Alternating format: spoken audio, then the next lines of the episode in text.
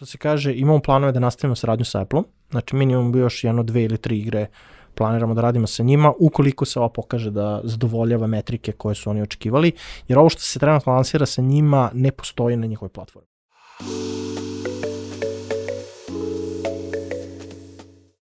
Ćao ljudi, dobrodošli u još jednu epizodu Netokracije Office Stocks podcasta. Pre nego što krenemo samo mali podsjetnik da se pretplatite na naš YouTube kanal, upalite zvonce kako biste bili u toku sa novim epizodama, a Office Talks možete pratiti putem audio platformi kao što su Spotify, Deezer, Google Podcast i Apple Podcast. Naš današnji gost je Nemanja Divjak koji nam dolazi iz studija za razvoj igara Tami Games. Nemanja, dobrodošao. Bolje vas znaš. Kada sam pripremao ovu epizodu, da kažem pripremao sa, sa kolegnicom zajedno, uh, došao sam na informaciju da si ti baš dosta dugo na internetu, dosta si dugo u tim preduzetničkim vodama, uh, još od 2007. godine, ako se ne varam, počeo si sa startupom Flibi, pa Tako. sve uh, ovaj, nekako si, da kažem, dok se razvio taj startup, dok se razvijala ta priča, osnovo, bio si jedan osnivača Publitija uh, i uh, danas Tami Gamesa od 2016. 17. godine, Tako čini je. mi se.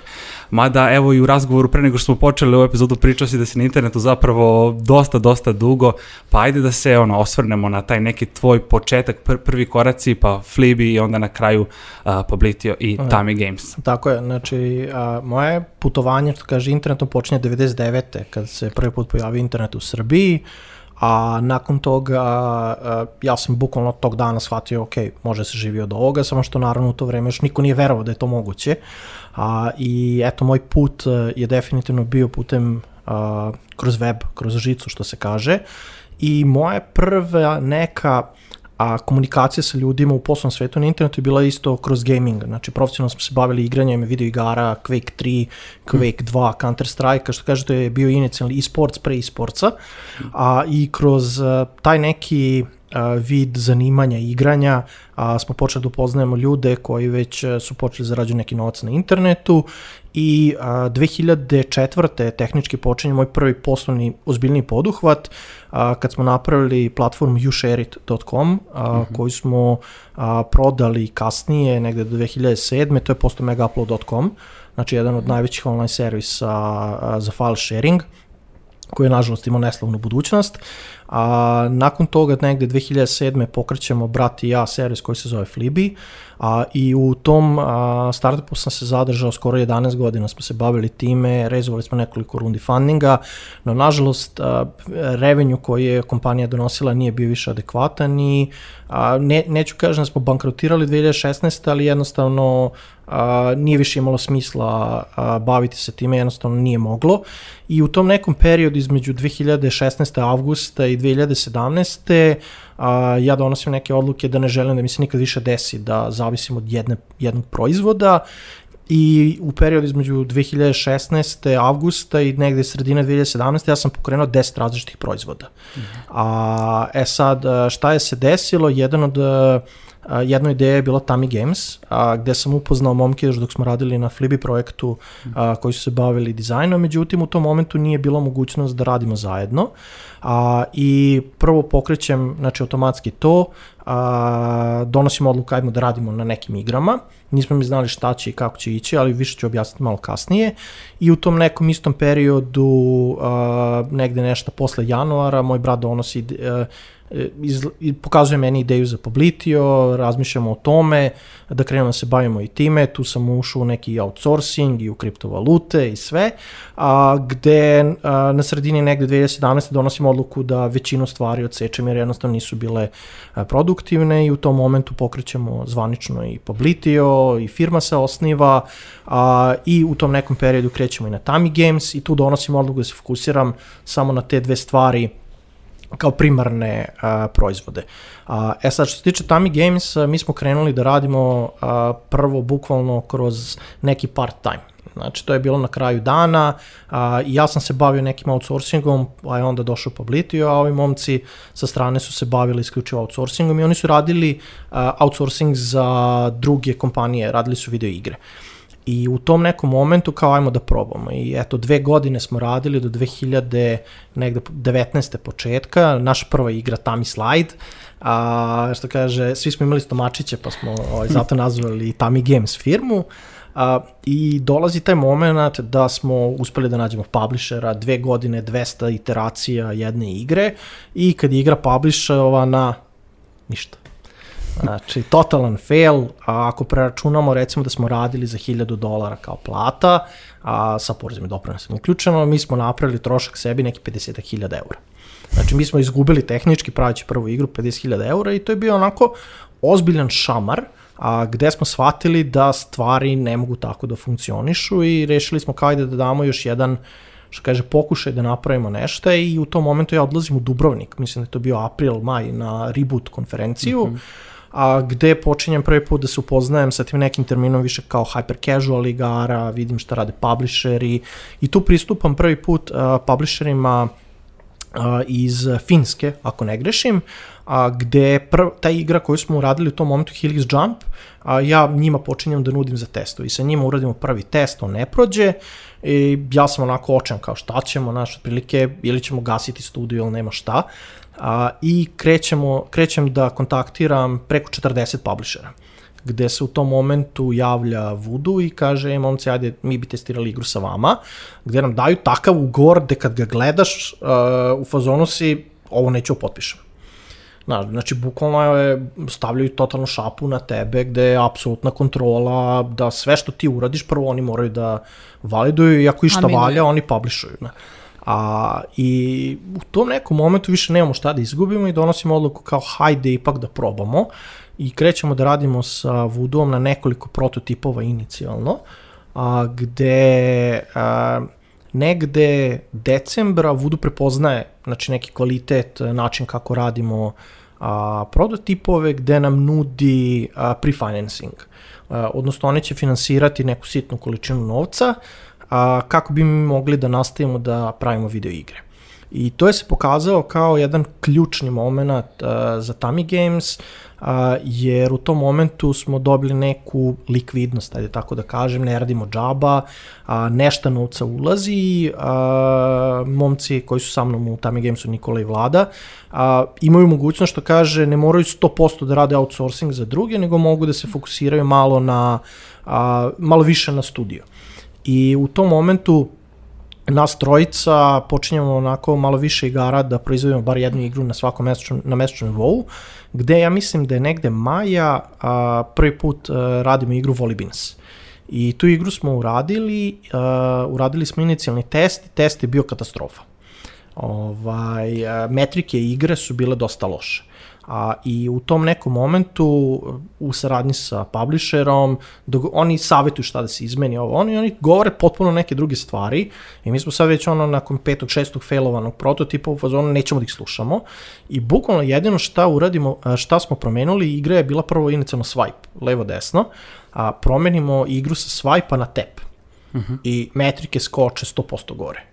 I kao, to je to. Ajde, baš ćemo da pričamo kasnije o Vudu i to, čitavoj toj priči kako je sve to ovaj, teklo, ali zanima me ono, e, kako, kako sada izgleda uh, tim, kako izgleda tvoja uloga u Tamiju, sa kojim se izazovima sada suočavate, mislim, evo, kao što smo i pričali, pandemija je donela isto mnogo izazova do duše u razvijenoj game dev industriji u Srbiji, ali opet znaš, do, dosta je tu nekih prepreka, kako se ste, pa, ste sa tim snalazi? Ovako, što se tiče studija, evo, mislim, nas u ovom momentu nas je desetoro ili jedanestoro, da uh mhm. -huh. ne, ne pretravamo, ali mislim da nas je deset ili jedanest. u procesu smo, što kaže, onboardinga još nekoliko ljudi, ali a, Tami Games ne želi da postane velik. Znači, mi smo, mi smo nekako shvatili da bolje funkcionišemo kao mali, mali tim sa malim timovima unutar, a, što kaže, firme uh mhm. -huh. i Uh, ono šta je moja uloga u ovom momentu jeste manje više neki vid menadžmenta ili pregovora sa poslovnim partnerima, publisherima uh, i neka validacija buildova koji se urade.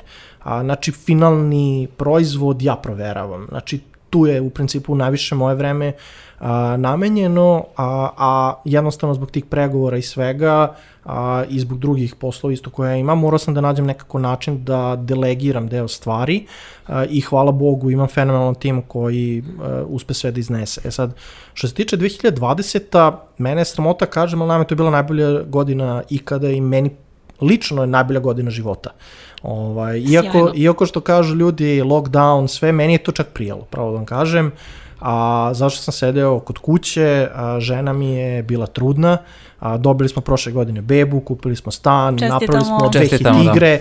A, je me razumete, znači meni je ta godina bila ok, ne mogu nigde da idem, limitiran sam, ne mogu da odem na more, ne mogu da idem na putovanja, sve je zaključano, pa jedino što mogu da radim je sedim i da se fokusiram na posao.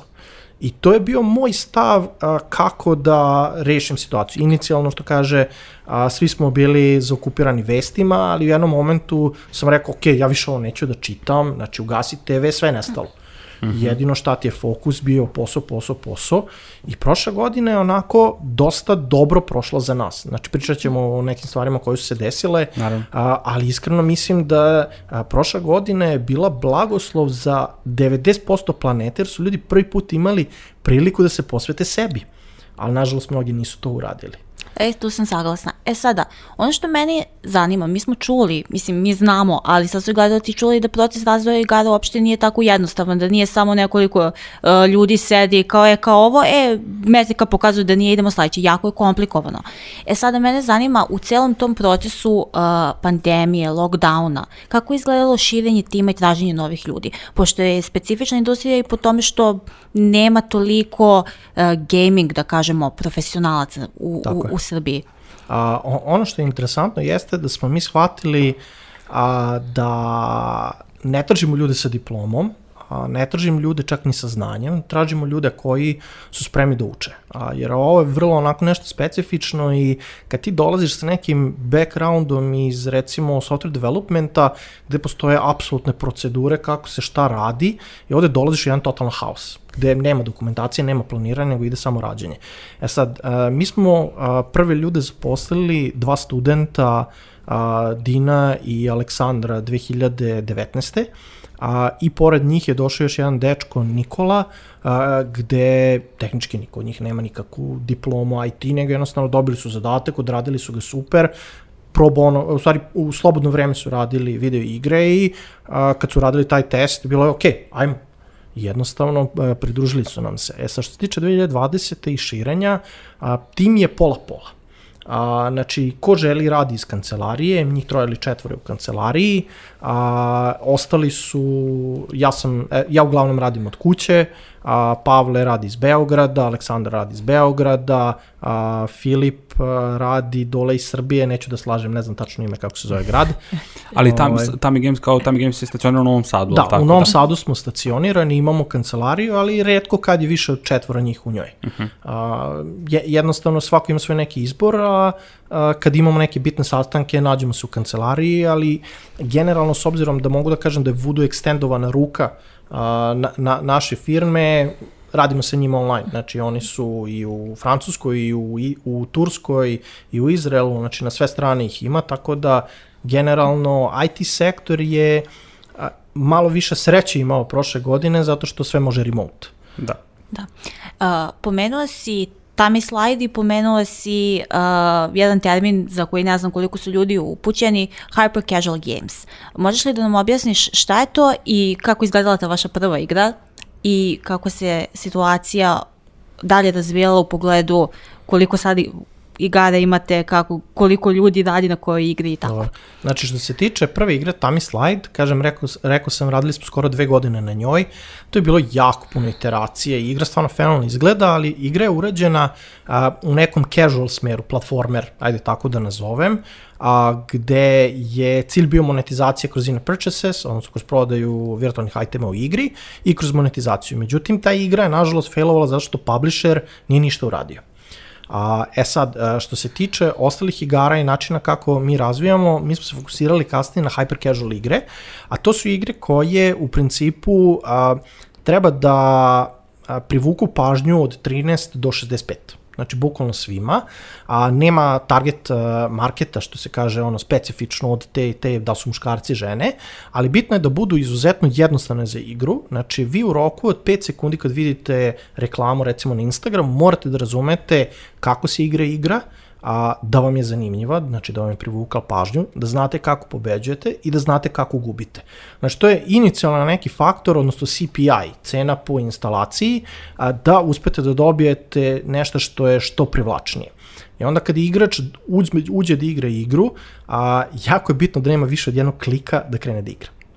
Znači, moraju biti jako jednostavne igre koje svi razumeju, a, jako jednostavna mehanika, tap, swipe ili crtaš, šta god, ali ne sme da ima a, 100 opcija u igre. Znači, bukvalno, cela pažnja igrača mora da bude na gameplay, repeat, repeat, repeat, repeat i da što veći broj gemova odigra kako bismo, što kaže, dalje mogli a, da ga monetizujemo ovaj, dalje i da bude dostupno na, na obe popularne mobilne platforme. Tako je. A, znači igre, igre sve koje radimo jesu, su publishovane na Androidu i na iOS-u, uključujući čak i Kinu ukoliko ima smisla da se gura uh -huh.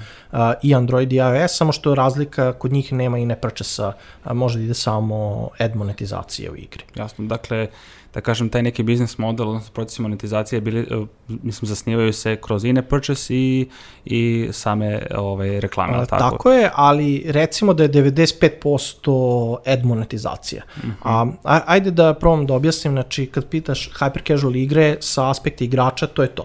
Ali sa aspekta developmenta to su igre koje treba razviti u roku 2-3 nedelje, a, lansirati, raditi iteracije, testove i to su igre koje treba da imaju izuzetnu adiktivnost. A, znači, mi imamo tačno određene parametre kakav mora da bude day one, znači koliko ljudi se vrati sutradan, koliko ljudi se vrati nakon 7 dana, koliko ljudi se vrati nakon 14 dana. Ali ono što je core a, kako se zove, hyper casual igara jeste da monetizacija je manje više oblikovana tako da u roku 3 dana ti povratiš novac koji si uložio i zato te igre skaliraju na stotine miliona igrača, jer ako imaš igru koja zadovoljava ekstremno metrike, možeš da upumpaš bukvalno desetine miliona uh, budžeta u marketing, odnosno to rade publisheri zato što imaju pristup takvom kapitalu i onda mogu da, što kaže, 10, 20, 30% zarade na marginama kroz monetizaciju. A koliko je teško naći publishera? Kako izgleda generalno taj proces i kako izgledao u toku pandemije? Pa, uh, što se tiče traženja publishera, tehnički to je jako jednostavno. Pošaljete mail. A, treba da a, nađete listu publishera, sada mislim da svi već znaju, znači top publisheri su, ako ne znate ko su, odete na App Store, vidite top 50 igara, svaka jedna je skoro publisherna od strane publishera. A, e sad, ako imate dobre prototipove, recimo napravite neki prototip, uploadujete ga na Google ili na App Store, gotovo da je 100% šansa da će vam se publisher neki javiti. Znači, evo, mene, mene bukvalno svaki dan bombarduju, odnosno nas, svaki dan bombarduju sa nekim ponudama. A, e sad, šta je bitno? Bitno je a, uraditi prototip, uraditi neki test, znači publishovati ga na App Store i onda ćete naći publisher. A ako ne nađete publishera, na taj način uvijek možete da izlistate, da kontaktirate, pošaljete mail, zakažete sastanak. Danas su svi otvoreni za testiranje, svi traže, tržište postaje malo saturated, što se kaže zasićeno, ali bukvalno ima publishera koji vam plaćaju da testirate igru sa njima. Znači više nije problem, e, mi hoćemo da radimo s vama, sad je problem, ajde radite sa nama. A, a što se tiče 2020 A, mi lično nismo tražili njenog publishera, ali e, evo, otvoreno imao sam sastanak bukvalno sa apsolutno skoro svakim publisherom u svetu koji postoji, koji je on u top 10. A, ali ono što je bilo ključno za nas jeste partnerstvo koje smo napravili s Apple-om. Znači, mi smo uh, jedan od prvih studija koji je uspeo da dobije saradnju sa Apple-om i dobili smo ulaz u Apple Arcade. I to nije hyper casual, to je više u casual smeru, a s tim da je Apple doneo odluku da razvije neki novi žanr koji se zove hyper casual plus, a koji upravo se evo lansira, što kaže evo a, premijerno u petak 26. će naša prva igra Farmit a, biti live na Apple Arcade-u. A, pre nije Sjajno. bila na, na, na storovima? Ne, tako? ne. A, igra nije bila a, dostupna a, i ono što je a, onako malo Različito jeste da a, igre koje Apple reše da raš, la, lansira uglavnom nisu nigde dostupne, a, pod uslovom da nisu bili neki mega hitovi pa da su oni tražili da a, se lansira i kod njih a, da bude dostupna igra, ali generalno traže da igra nije bila dostupna nigde. A hajde sad da raščanimo, koja je razlika između hyper casual i casual igara? A, casual igre su igre koje imaju a, mnogo kompleksni sistem. A, recimo imaju upgrade sistem svega i svačega u igri.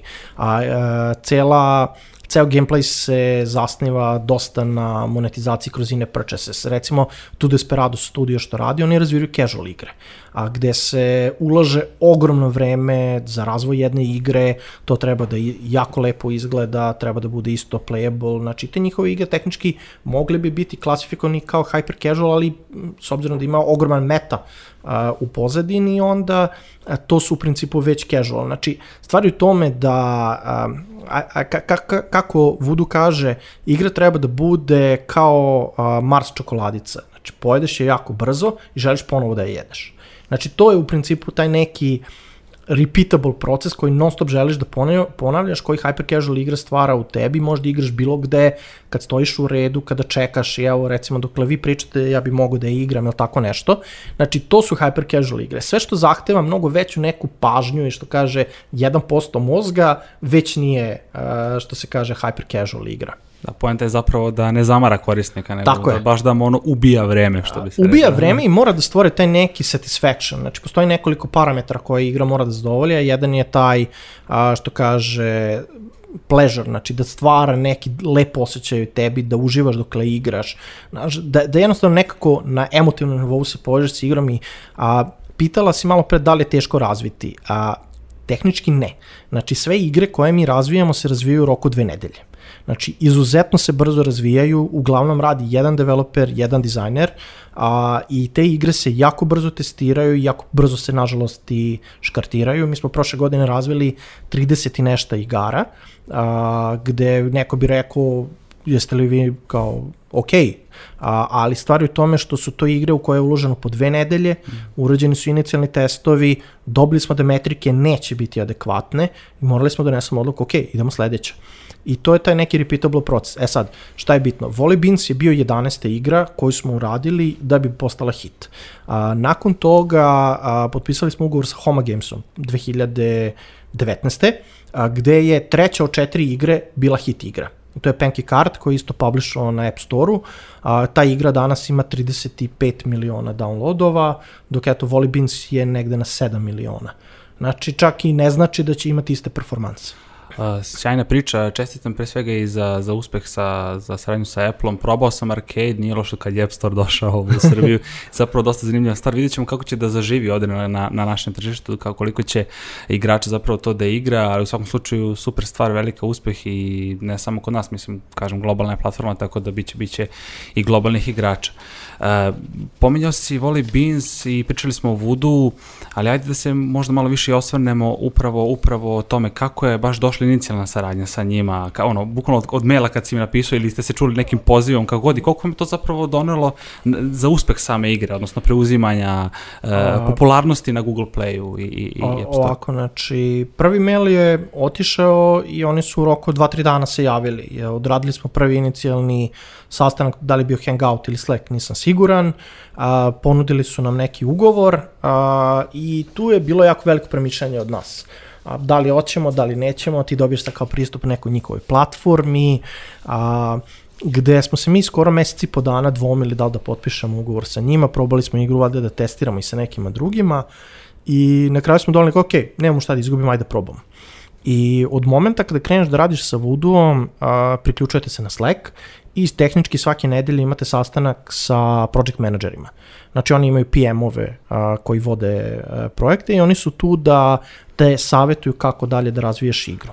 E sad ono što je bitno jeste od momenta kad smo mi ušli da radimo sa njima, a, taj nivo a, saradnje dolazi kroz neku edukaciju, gde oni tebe uče, imaju određen a, kako kažem, biblioteku, tutoriala, edukacije, kako se pravi igre, imaju prezentacije. Što prekidam, dobili smo gledalci, znači Voodoo je gigant e, izdavaštva hyper casual igara, znači, ali tako? Voodoo je trenutno number one a, izdavač hyper casual igara na svetu, a, mislim da vrede neke 3-4 milijarde dolara trenutno vredi kompanija, a, i stvarno a, ljudi ne mogu da razumiju šta znači brzina dok ne vide šta oni rade.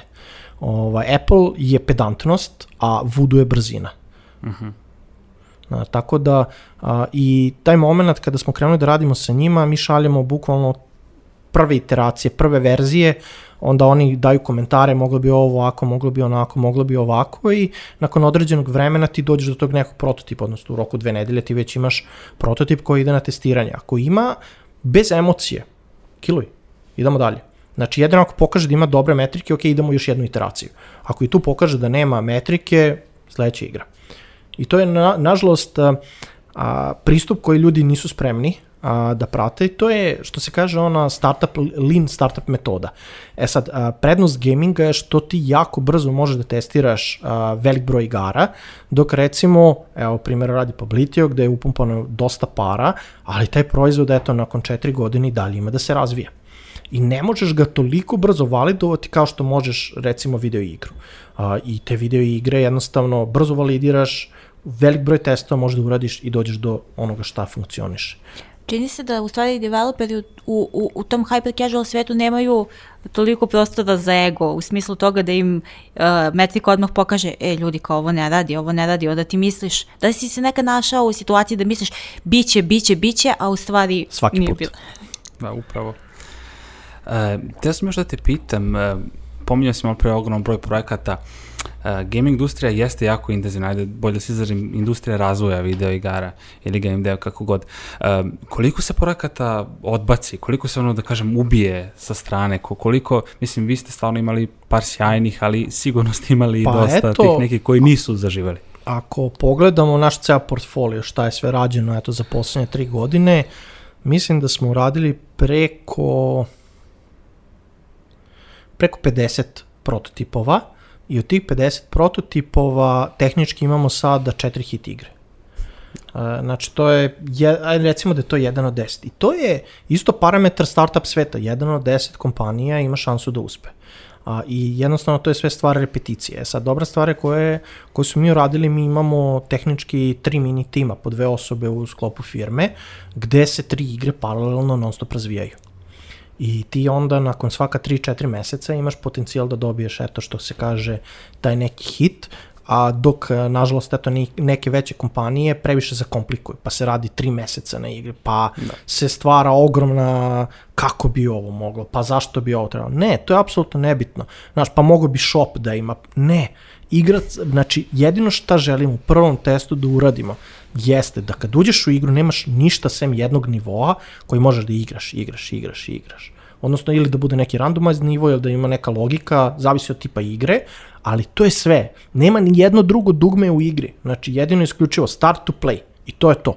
Znači nema dalje od toga. I to je prvi prototip, pravi prototip, MVP model, znači jedan od modela koji se seta, sećam, eto što kaže i Vukan što je pričao za Fishing Booker, uh, mislim da znate svi priču, znači to je princip uložiš nešto minimalno napraviš, uradiš neki inicijalni finansijski test, ako pokazuje metrike radiš, ako ne pokazuje metrike ideš dalje. Upravo to. A, spomenuli smo da je izdavač generalno jako bitna, ako ne i nekad u nekim slučajevima najbitnija karika. A, e sada, što se tiče a, domaće gaming industrije, a, koliko je generalno bitno imati neku organizaciju koja a, radi na deljenju znanja između studija, developera, a, dizajnera i ostalih a, faktora, odnosno Pričamo ljudi. SGA. Naravno, pričamo o SGA. A, koliko je za industriju bitno da ima takvu, takvu uh, organizaciju, za one koji ne znaju, to je Srpska asocijacija za razvoj video igara. Koli, uh, vi ste članovi i zanima vas koliko je, uh, koliko, koliki značaj tako nešto ima za dalje unapređenje industrije i koliki značaj ima na, na vašem ličnom primjeru. Pa ovako, znači što se tiče SGA, to je stvarno fenomenalna priča. Znači poznajem i Kristinu i Nikolu koji su, što kaže, to u neku ruku i pokrenuli. A, I ono što su oni uradili jeste da su definitivno približili, e, približili a, gaming industriju izuzetno velikom broju ljudi a, dolaze u studije, intervjuišu, pričaju, znači dobijaju a, overall a, znanje šta se dešava, što kaže na terenu. A, e sad što se tiče organizacije, za nas lično nije bilo nekog specifičnog efekta, ali mi smo već bili u nekom zamahu a, pre nego što se SGA i osnovao i sve, ali a, da nije bilo SGA i da nije bilo tih nekih hakatona i eventova, mi ne bismo išli, ne bismo došli do određenih a, ljudi, ne bi upoznali neke kontakte, recimo ekipu iz Tu Desperados, preko SGA sam upoznao, onda smo išli, a, kako se zove, iz a, Reboot, pa sam opet tamo upoznao ljude, znači za networking su neverovatno bitni. A, što se tiče a, konkretno nekog rada vezano za developere, to mi lično nismo imali, što se kaže, neki specifičan kontakt, a, bili su to pomogli neki pravnih stvari što smo tražili preko Nikole, a, ali generalno mi nismo imali neki prevelik kontakt, a, što kaže, mi smo ono, zatvorili se i znamo šta radimo i radimo, radimo, radimo, ali definitivno ono što sam primetio i nažalost, eto, a, prošla godina je usporila to drastično i što je osnovan Nordusov hub koji je ozbiljno dao potencijal da raste ova industrija i SGA u celoj priči, ja se izvinjam, ovaj, u toj celoj priči uh, jednostavno uh, počela je edukacija ljudi o gaming industriji i to je ono što je najbitnije. I kroz SGA gostovao sam, mislim, dva puta na eventovima gde smo pričali, gde se stvara želja ljudi, znači ljudi žele da znaju ali nažalost još uvijek nisu došli do tog nivoa da može. A, da, da mogu da ostvare nešto i a, ono što Srbiji definitivno fale, a, fale ljudi koji znaju da naprave kontakte, introductione i te stvari, znači business development i dalje fali, znači jako velik broj ljudi a, zna da što kaže koristi Unity da napravi, velik broj ljudi zna da uradi game design, ali ono što je najveći problem, ljudi ne znaju to da prodaju. I eto, mi smo imali malo sreće što sam ja, što kaže neki hustler, hustler kako god hoće, e, ko da nazove, mene možeš pustiš samog, ja ću naći put gde god treba. A, I ja sam lično verovao da može da se desi. A, krenuo sam kontaktiram, krenuo sam da jurim i došli smo do nekih kontakata. SGA sada omogućava a, pristup određenim ljudima. Ako ti treba, potrebne su ti neke investicije, potrebna ti neka edukacija, dovoljno je da tražiš od njih i oni će se potruditi da ti dovedu nekoga ko ti tu može pomoći. Evo sad se pokreće mentorski program, eto, bio sam pozvan, ali nažalost stvarno zbog obaveza ne mogu da se znači stvarno sam želao da se priključim, ali bukvalno ne mogu od obaveza da postignem. I a, stvarno svima koji ulaze u gaming industriju mislim da će SGA puno značiti, a, naravno i kroz njihov Discord i kad god nešto treba, ljudi mene kontaktiraju, ja kontaktiram njih, šta god da treba, znači nekoliko puta sam pričao sa momcima koji razvijaju nešto, znači neko savjetovanje ili tako neka pomoć, ali a, SGA je definitivno tu da stavi srpsku uh, gaming scenu na svetski nivo i da uh, nas prezentuju drugima i verujem da će u narednih godinu, dve godine i neki dodatni kapital naravno ući baš kroz sve to. Naravno, mislim, sjajna je stvar koja rade i mi super sarađujemo sa njima. Misliš li da je upravo ta, taj nedostatak edukacije, kontakata i ostalo povezivanje networkinga bio, bila taj neki ključni moment koji nedostaje u čitavoj toj priči srpske game dev scene i, i šta po tom mišljenju možda sad u ovom trenutku nedostaje? Pa, uh, taj networking, um, nažalost mislim da su ljudi dosta zatvoreni, generalno ne trenutno nego inače, a, i da im je jako teško da ostvare kontakte. I SGA definitivno je tu da urede neki introduction. E sad, postavlja se dalje pitanje da li će ta osoba znati da nastaje komunikaciju. A ono što definitivno fali na tržištu i na što smo naletali dosta često, na što smo naletali, a, jeste da jako puno ljudi žele da razvije igre, ali nemaju financije. A, I to je recimo i nama bio problem inicijalno, nismo imali financije i sad ti treba da odvojiš mes dana da radiš na nekoj igri, a nemaš para.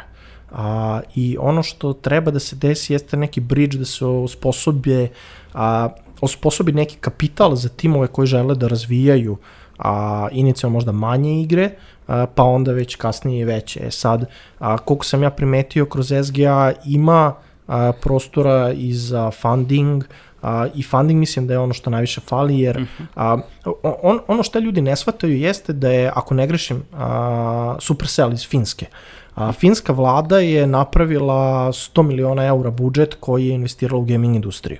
A, Supercell, ako ne grešim, je dobio 5 miliona eura inicijalno a, kako se zove, a, kapital da krene da razvija jednu od svojih prvih igara, gde oni danas 200 miliona evra godišnje vraćaju budžet države kroz poreze. I to je, to je ono apsolutno nezamislivo, oni imaju 2 milijarde godišnje prometa. Pa Srbija nema 2 milijarde ono, u budžetu.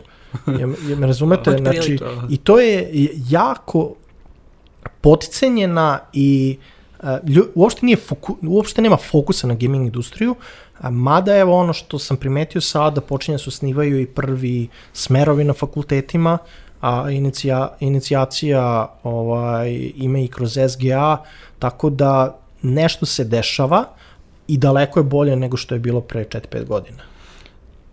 Da, Slažem da. se, da, kažem, da, da. Uh, sam da kažem da je i Startup Genom uh, prepoznao gaming industriju kao jednu od najvećih snaga pored blockchaina i domaćeg IT sektora, što znači da ako su i stranci prepoznali, prepoznamo to i mi, verovatno nam treba samo to je neki finansijski malo push koji će manje timove da, da pogura napred. E sad me zanima, uh, što se tiče sveta hyper casual igara, da li tu ima prostora za investiciju i kako to izgleda u vašem slučaju? A, što se tiče eh, hyper casual sveta i investicija, a, on, ono što je bitno jeste uspeti sa publisherom i dogovarati da te finansira na mesečnom nivou određenu količinu para, koliko vama treba, a, da možete razvijate jednu, dve igre, zavisi kakav je ugovor.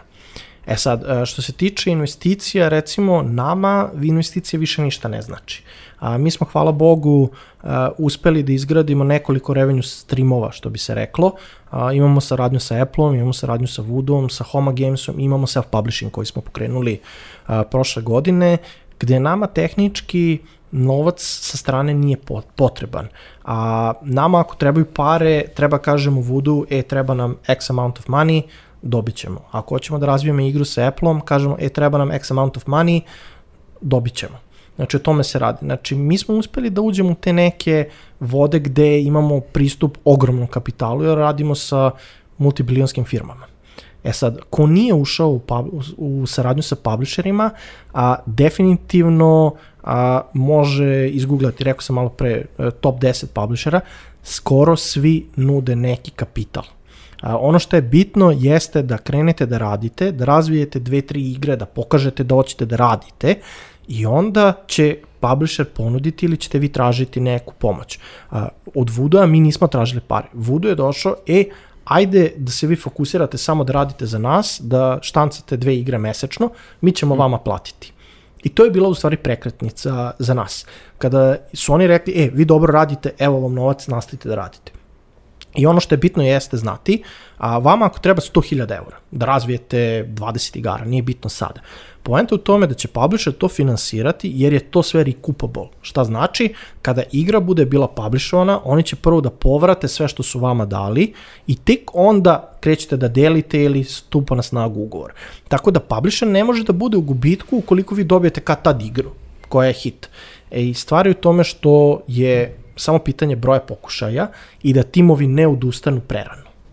Upravo to, mislim, čini mi se da je to i super savet, ali evo sad kako polako i privodimo kraju sve ovo, e, zanima me, mislim, pre nego što dođemo do tog nekog, da kažem, inicijalno posljednjeg pitanja, e, zanima me to, e, kad već govorimo o financijama, e, kako ste se vi na početku finansirali, kako je to kod vas izgledalo sad kad bi neko morao da daš savet ko će da uđe u, u, u game dev svete, kaže, e, ok, imam neku ideju, imam neki koncept igre, ali ono, potrebne su mi, da li to, mislim, i sobstvenih izvora, naravno i potrebe za investicijom, ali ono... Ima magična reč, outsourcing. Radili smo druge poslove. Znači, ka, a, momci koji a, su ulaci sa mnom, oni su radili na drugim video igrama za druge klijente. Uh -huh. I oni su to naplaćivali debelo i a, tehnički nisu novac, od, tehnički taj novac su ulagali dalje.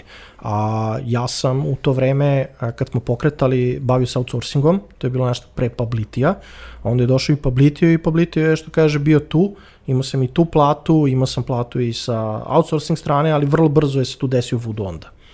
Tako da, ono što je bitno jeste da ljudi moraju da shvate da put do uspeha je uvek trnovit.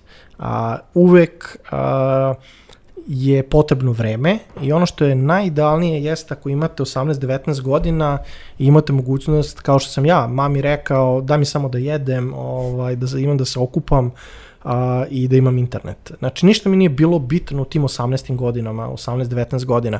I ono što vidim jeste a, jako puno momaka i devojaka koji žele da razviju a, igre, žele time da se bave, imaju čak i znanje, ali stvarno ne znaju ni da plasiraju kako bi to izveli a, i, i u tome isto a, nemaju financija. Evo, nedavno sam imao sastanak sa jednim momkom koji, s kojim smo radili intervju za posao, gde mu je mnogo da da 100 eura godišnje da bi mogu da publish igre na Apple.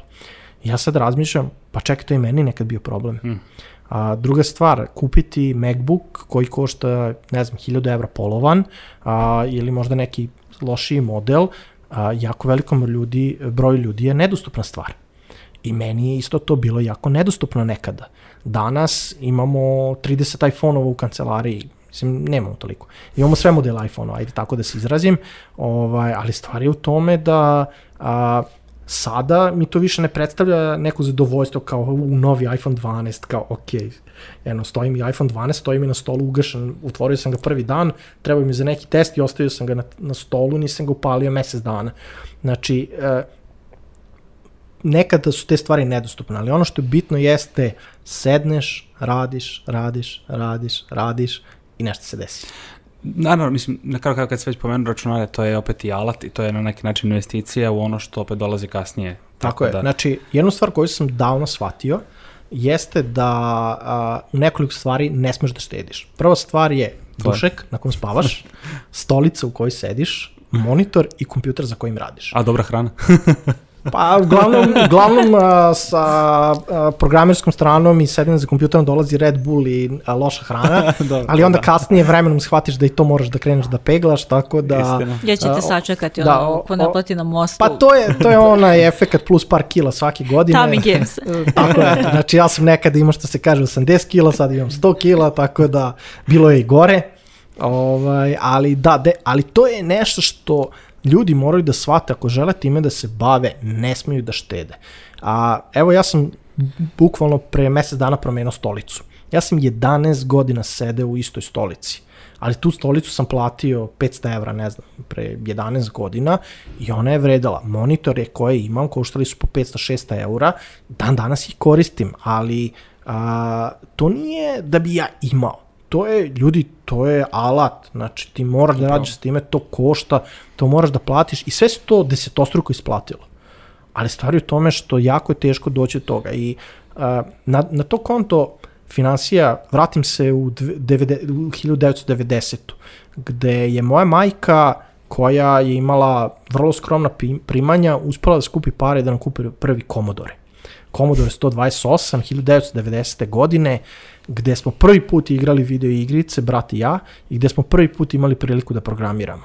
I to je bio moment koji je bio vjerojatno ključan za dalji nastavak mog života. To su oni čune 1600-bitne, ali tako ne? Tako je, sa kasetom i sve. Znači, a to je, to je bio Space Shuttle, znači iPhone je danas smešan naspram šta je to bilo tada. Ti, ti sad svuda video telefone i ta iPhone, iPhone najnoviji koji izađe, a ima još jednu kameru. A ono, ono, je bilo, ono je bilo revolucija, ljudi, kad vi vidite na televizoru da se pokreću pikseli, da vi možete igrati igricu sa nekim joystickom i oni zvuci modema i tih kaseta kad su učitavale, ja ne znam, to, to, to jako puno ljudi nije iskusilo i ne, nedavno je, sam negde čuo, bio neki komentar da je ne, neki maloletnik prokomentarisao uh, kad nije bilo internet, kad smo re, nekoj prokomentarisao kad nije bilo internet i onda je bilo kao, kako miš kad nije bilo internet? kao, pa nekad nije bilo interneta, znaš. Da. Ali današnje generacije to ne mogu, ove, što kaže, da shvate. Upravo, ili kad se zbune što znači disketa u Wordu, ove, da, da, da li je to save ili ko zna šta. Uh, ok, Nemanja, evo za, ono, za sam kraj što bi se reklo, uh, zanima nas neki planove za Time Games za, za budućnost i ajde da kažem neki tvoj savet nekom ko opet ulazi, ono, sveobuhvatan savet ko ulazi u ovu, u ovu industriju i eto, šta vi planirate u, u narednih par godina? Pa, što se nas tiče, uh, ova godina je jasna, a hoćemo da odmorimo. o, većina tima stvarno želi da odmore, baš nam je prošla godina bila naporna, a puno je se i radilo, i što kaže, a, zato što smo radili od kuće a, i niko nije imao radno vreme, a, mislim da su ljudi over deliverali i stvarno hvala celom timu jer stvarno prošla godina je baš bila kidanje, a pogotovo zato što smo dobili partnerstvo sa Apple-om gde je većina tima bila alokitovana na to i to je papirologija i poštovanje procedura nerealno. A, e sad što se tiče ove godine, a, imamo upravo danas, danas lanciramo novu igru sa Voodoo-om, zove se Slice It, Slice It All a, se zove, tako da u nedelju je a, na Androidu bila live, danas evo, bukvalno posle ovog razgovora a, očekujemo da a, pustimo igru live a, i u petak izlazi Farmit. Znači, naš fokus za narednih par meseci će definitivno biti te dve igre, a, a nakon toga, a, što se kaže, imamo planove da nastavimo saradnju sa Apple-om, znači minimum bi još jedno, dve ili tri igre planiramo da radimo sa njima, ukoliko se ovo pokaže da zadovoljava metrike koje su oni očekivali, jer ovo što se trenutno lansira sa njima ne postoji na njihovoj platformi, znači potpuno nešto novo, a, a što se tiče Voodoo-a, isto, eto, imamo hit igru i naravno dva ili tri meseca tim koji je zadužen za to će imati posla oko toga. I ono što je bitno jeste da smo shvatili da je vreme malo da se okrenemo ka, i ka sebi, a, tako da smo polako krenuli da pravimo tim za self-publishing. Mhm. A ne želimo da budemo publisher, ali želimo da sve igre koje nisu prošle sa Voodoo-om a, ili možda Apple-om, da lansiramo sami, a, jer igrom slučaja Volley Beans o kom smo pričali, a, igra o kojoj smo pričali je prošle godine februara nama vraćena jer je nije a, imala zadovoljavajuće metrike za dalje guranje igre, gde smo mi imali ozbiljnu raspravu što se kaže da li mi možemo išta da uradimo od nje. I prvo smo krenuli polakim koracima gde smo a, uspeli da napravimo i saradnju sa najvećim reklamnim mrežama i sa Facebookom, Apple Avinom i ostalima, a, gde smo prošlu godinu uspeli da kupimo neka 2 miliona igrača kroz Volibin sami, A, I ove godine, ja se nadam da ćemo uspeti kupiti jedno 20 miliona igrača. A, e, šta, šta je stvar? Voodoo nije mogu na scale-u da skalira igru, ali pomalo mi smo uspeli da napravimo da igra bude profitabilna. I ono što želimo sada da uradimo jeste da svih tih nekih a, 5-6 igra, u stvari 5-6 igara od tih 30-40 koje su imale dobre metrike, da kompletiramo i da lansiramo do kraja godine a, kao naše, pod našim portfolijom i da nastavimo to da guramo dalje. I plan je da zaposlimo još par ljudi. A, ono što mi ne želimo jeste da postanemo preveliki. Znači, mm -hmm. trenutno kažem 10-11 nas je, ne želimo da pređemo 15, oro maksimalno 20 ljudi, a, jer veći broj ljudi ne znači da će bolje stvari raditi.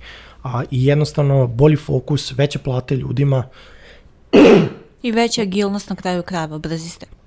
Tako je, znači mno, mnogo brže ide i evo sad, tre, tehnički ja sam prošle nedelje, prošle nedelje smo krenuli proces da zaposlimo ljude, gde smo sad dobili potvrdu da imamo hit igru i gde nema šanse niko da se fokusira na te ljude. Jednostavno moram stavim, moram stavimo pauzu, ne možemo zaposlimo dve, tri osobe i bukvalno nema ko da sedne s njima da prođe proces zapošljavanja jer smo mali. A papirologija nam je užasan problem, znači bukvalno nam treba neko ko će se bavi samo papirima u firmi, a za sada to sve obavlja Nikola koji je suvlasnik. Na, je, jednostavno došli smo do momenta da a, ima neko zasećenje, jednostavno ne mogu da se postignu neke stvari i kad se to desi, onda tražimo neku osobu da nam se pridruži. Ali ideja je da probamo što kaže da zadržimo što manji tim, da što bolje performuje tim, da se fokusiramo više na ljude, da su ljudi zadovoljni, srećni, pa ćemo onda vidjeti šta će dalje biti. Znači, eto, to, to, su, to su nam planovi sad za ovu godinu. Za iduću zidamo zgrade, Mhm. kupujemo Nordeus i tako da. ide sve, ide sve. Posle, sad malo, naravno, ali naravno. ovaj, uh, što kaže wanna be, ali Da. je, jednostavno fokus na dalje gra, r, nastavljamo da radimo šta smo radili. Eto, Upravo. to je to. Super, super priča svako. Milana bi ti dodala, možeš još sad do Ništa, ja bih samo dodala svaka čast i želimo vam da mi sa vama kupimo note. Da. Dobro, da, no, Nordeus je bila čisto šala, ovaj, kada kažete vam kao, šta, šta možda se Šans, treba kaže da ne, kupimo Apple. E, to, ja bar da deo, bar deo. Mislim Bar deo. da je to u stvari još bolje. Upravo. A, mi ti svakako želimo puno sreće i tebi i čitavom timu u, u daljem razvoju projekata, e, igara, saradnje sa Apple-om, izdavačima i ostalo, s lansiranjem nove igre da, koja, koja ide danas, tako da e, Nemanja, hvala ti što si bio naš gost. Mi se svakako čujemo i vidimo i, i, i pišemo nekim novim tekstovima. E, Hvala vam što ste me pozvali i što smo uspeli da popričamo na ovoj temi koja nadam se da će mnogima značiti. Naravno, nema na čemu. Vama hvala što ste ostali sa nama do kraja, mali podsjetnik samo da se pretplatite na naš YouTube kanal i da Office Talks možete pratiti putem Apple podcasta, Google podcasta, Deezera i Spotify, ako vam je naravno lakše da, da, da ne gledate video, već samo da uh, uživate u zvuku. Mi se vidimo u nekim narednim epizodama. Pozdrav!